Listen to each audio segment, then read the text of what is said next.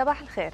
عم طلع عليكم بفقرة جديدة من سربدة قانون موحد للأحوال الشخصية لحتى نناقش سوا موضوع جديد وموضوعنا لليوم هو الطلاق. بس بالبداية خلينا نشوف الفيديو اللي محضرينه ونبدأ نبدأ نبدأ نقاشنا عفواً. يمكن الفيديو منه جاهز؟ آه، ليلى لكن جاهز الفيديو. خلينا نبلش نقاشنا سوا. بالفيديو كنا رح نشوف موضوع الطلاق. هلا بنشوفه بعد شوي بس خليني أبلش معك لحتى أحكي عن واقع الطلاق اليوم. إذا بدنا نحكي عن الطلاق بالقوانين الحالية قوانين الاحوال الشخصية الطائفية كيف فيك تخبرينا عن آه، آه، كيف بيصير الطلاق حاليا؟ هلا بنرجع بنكرر نفس المعلومة اللي قلناها مرة الماضية لحتى اللي ما سمعها بالفيديو السابق بحلقتنا السابقة. إنه نحن عم نحكي عن 15 قانون مش عن قانون صحيح. واحد. فالحالات كتار مش حالة وحدة. آه، بتطبق على كل كل الناس. آه، طبعا بنرجع بنقول بتطبق حسب قدام أي طائفة تم الزواج قدام أي محكمة طائفية تم الزواج. آه، ففي طوائف ما عندها طلاق عندها بس بطلان. في طوائف عندها طلاق بيد الرجل وحده. يعني المحكمة ما بتقدر تطلق إلا إذا الرجل قرر هو الطلاق. في طوائف عندها طلاق وبتتوزع على المسؤوليات. ليلى بس فسري لي كيف يعني بإرادة الرجل وحده؟ يعني إذا المرأة ما قادرة بقى تكفي الحياة مع هذا الرجل ما بتقدر تطلب الطلاق؟ لو طلبت الطلاق ما إذا هو عليه. ما بده يطلق ما بتقدر أوكي. تحصل على الطلاق. شو عشان هيك الأسباب؟ عشان هيك في كتار ناس بيدفعوا حق الطلاق. يعني قد إيه بدك لتطلق؟ لأنه ما عندها خيار لأنه لو راحت على المحكمة ولو المحكمة جربت تكون كتير منيحة معها وتساعدها ما بتقدر تطلقها المحكمة إلا إذا الزوج قرر الطلاق. بتساعدها المحكمة إنها تضغط على الزوج ليطلق إنه تحط عليه أعباء آه، إذا ما طلق مادية أو بس ما بتقدر المحكمة تطلع لها حكم طلاق. بده الزوج هو اللي يطلق.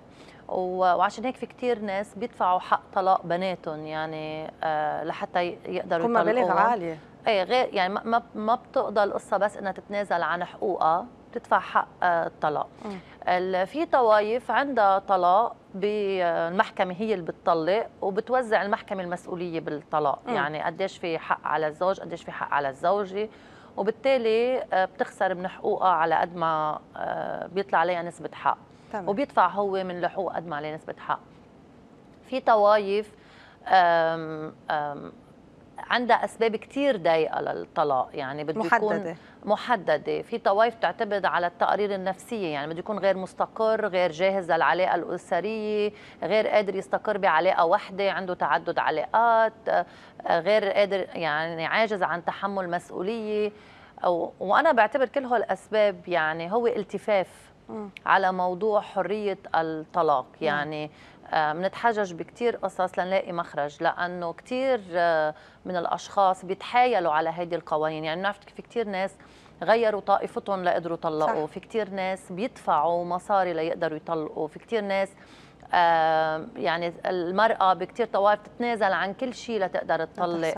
آه ف يعني التعقيدات بقوانين الأحوال الشخصية بتخلي آه، أشخاص حتى يعني إذا بطائفه ما فيهم يطلقوا بينقلوا على طائفه ثانية بصير فيهم يتزوجوا لو معهم طائفه لو مزوجين امرأة من طائفه أخرى. ف آه، بحكم إنه عند هيدي الطائفه في تعدد زوجات فبيقدروا ينقلوا على طائفه ثانية ويتزوجوا وما يطلقوا. تماما. فاخر شيء يعني أكثر الضحايا هن من النساء. طيب ضحايا هاي القوانين يعني. نعم.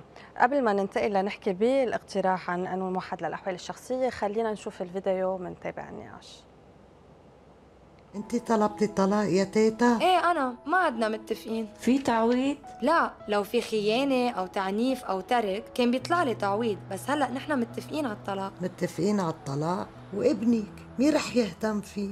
كله بيكمل عادي اثنيناتنا مسؤولين عنه وعن كل نفقاته. يعني مدرسة أكل شرب تياب كل شيء بضل معك؟ أكيد. ابني بعده صغير ما بيعرف يقرر مع مين بده يكون فتلقائيا بضل مع الأم. وأكيد في يشوف بيو لما بده.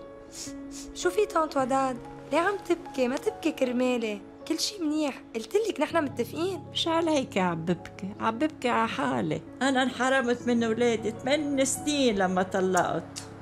يا الله.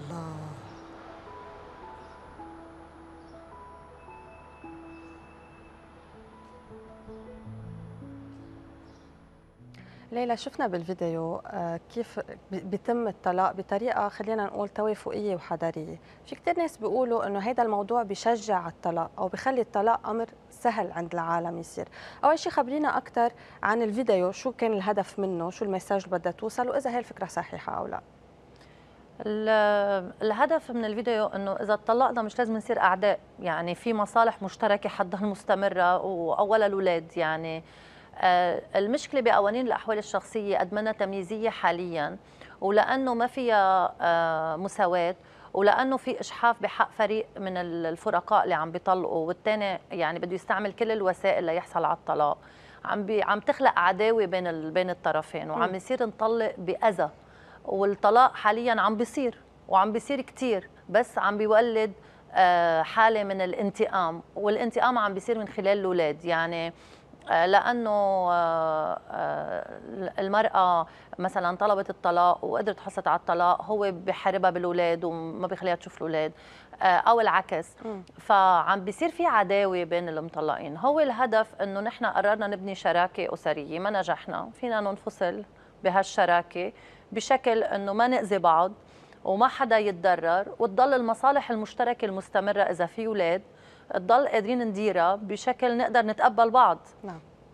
هيدا الهدف من هيدا القانون إنه الطلاق ما يكون سبب للانتقام وما يكون آه, آه، يعني مدخل للكره والعداوة واللي ننقلها للاولاد بعدين وكل طرف يصير يحرض الاولاد على الطرف. الآخر. نعم. وبالتالي نحن عم ناذي الاولاد يعني ب... عم عم نبني جواتهم صورة سيئة عن العلاقات آه، الزوجية وحتأثر على خياراتهم لبعدين وبعلاقاتهم هن تمام. هيدا آه، هيدا الهدف الأساسي.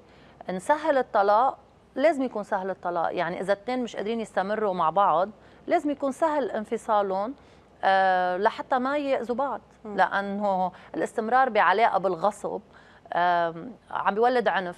وهيدا العنف بتعدد أشكاله سواء معنوي أو جنسي أو جسدي. عم بيولد كراهية وعم بيولد حقد آه، وعم بتصير الحياة أصعب. والاولاد اللي قاعدين بعلاقة آه، عنفية هن أولاد مأذيين أكثر من الاولاد اللي عايشين بين أم وبي منفصلين لكن متفاهمين.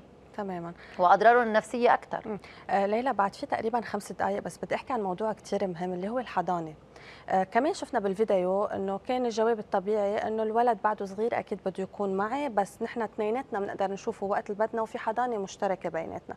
بالبداية يا ريت تفسري لي بشكل كثير سريع شو الفرق بين الحضانة والولاية لنحكي عن القوانين الحالية كيف بتتفاوت بيناتها سن الحضانة حاليا. موضوع الحضانة موضوع آه رعاية. فقط لا أكثر ولا أقل. يعني الأم لما بتطالب بالحضانة في كتار بيفهموا غلط يعني عندهم هيك خلط إنه بتعتبر إذا أخذت حضانة الولد فهي بتصير مسؤولة عنه هي فيها تقرر وين تحطه بأي مدرسة هي مسؤولة عن كل آه، مصير هيدا الولد. لا الحضانة هي فقط أمر رعائي لا أكثر ولا أقل. يعني رعاية الولد اليومية من نظافته من أكله من شربه من نومه من لبسه من رعاية بس. لكن كل القرارات اللي بتخص الولد سواء بالمدرسة سواء بالمستشفى سواء بأي شيء المسؤول القانوني عن الولد هو اللي بيقررها. بالقوانين الحالية هو الأب. كل الطوائف. عن كل الطوائف. الأب هو اللي بيقرر. يعني لو الحضانة مع الأم ما فيها هي تختار المدرسة. إذا الأب مش موافق على هاي المدرسة بده هو ينقي المدرسة م. بغض النظر. وللأسف هيدي السلطة الأحادية اللي بيتفرد فيها الأب. بتخليه أوقات بنرجع لقصة الطلاق والحرب اللي بنعيشها بالطلاق.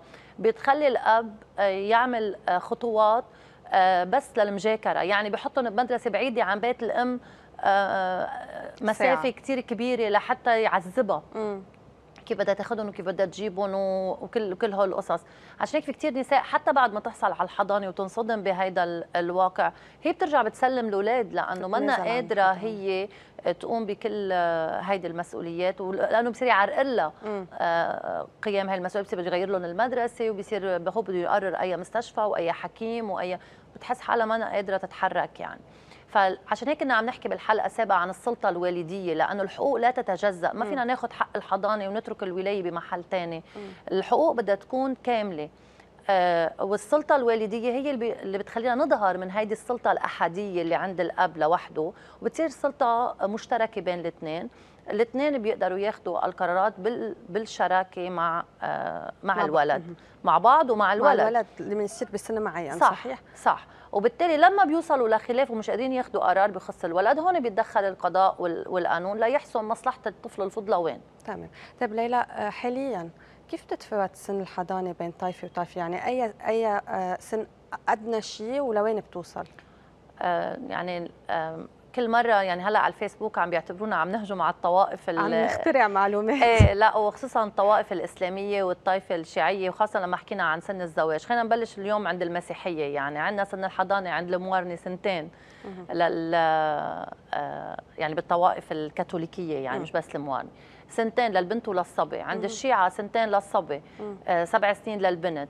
هلا في ال- السنة والدروز عدلوا سن الحضانة ورفعوه لل عند السنة 12 سنة للاثنين وعنده دروز 14 15 فعندك تفاوت من السنتين لل 17 سنة. في طوائف لا عندها 17 سنة ال- الحضانة.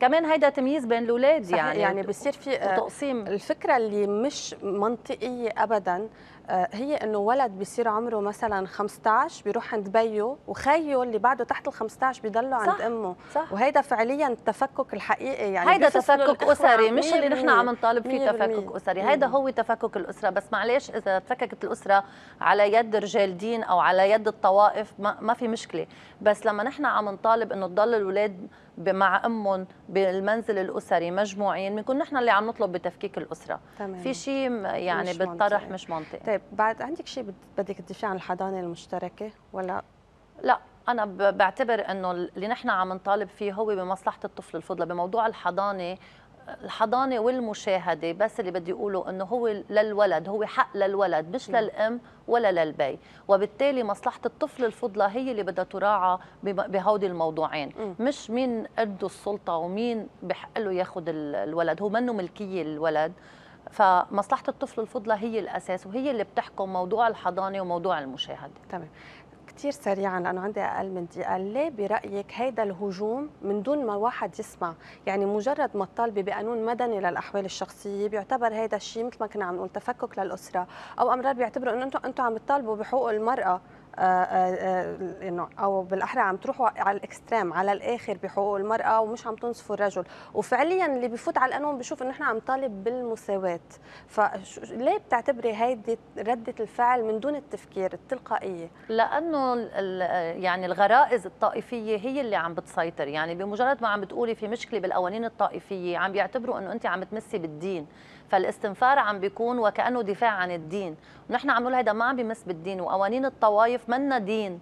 هي قوانين وضعية. عم بيطبقوها وهن عم بيعدلوها هن عم بيعدلوا فيها فهي منا دين لكن اللعب على غرائز الناس وعلى طوائف مثل ما بيصير بالسياسة يعني بدل ما يناقشوا الفكرة السياسية بيصيروا يستعملوا الغريزة الطائفية لرد الفكرة. نفس الموضوع نعم. الطوائف هي اللي عم تتحكم بغرائز الناس وعشان هيك بنرجع بنقول إلغاء قوانين الطوائف ضرورة لإقرار موضوع لإقرار موضوع المواطنة بلبنان ونصير نبطل حاسين حالنا. مجموعات عم بتدافع عن طوائفها بدل ما تدافع عن مصالحها كأفراد. تمام. شكرا كثير ليلى.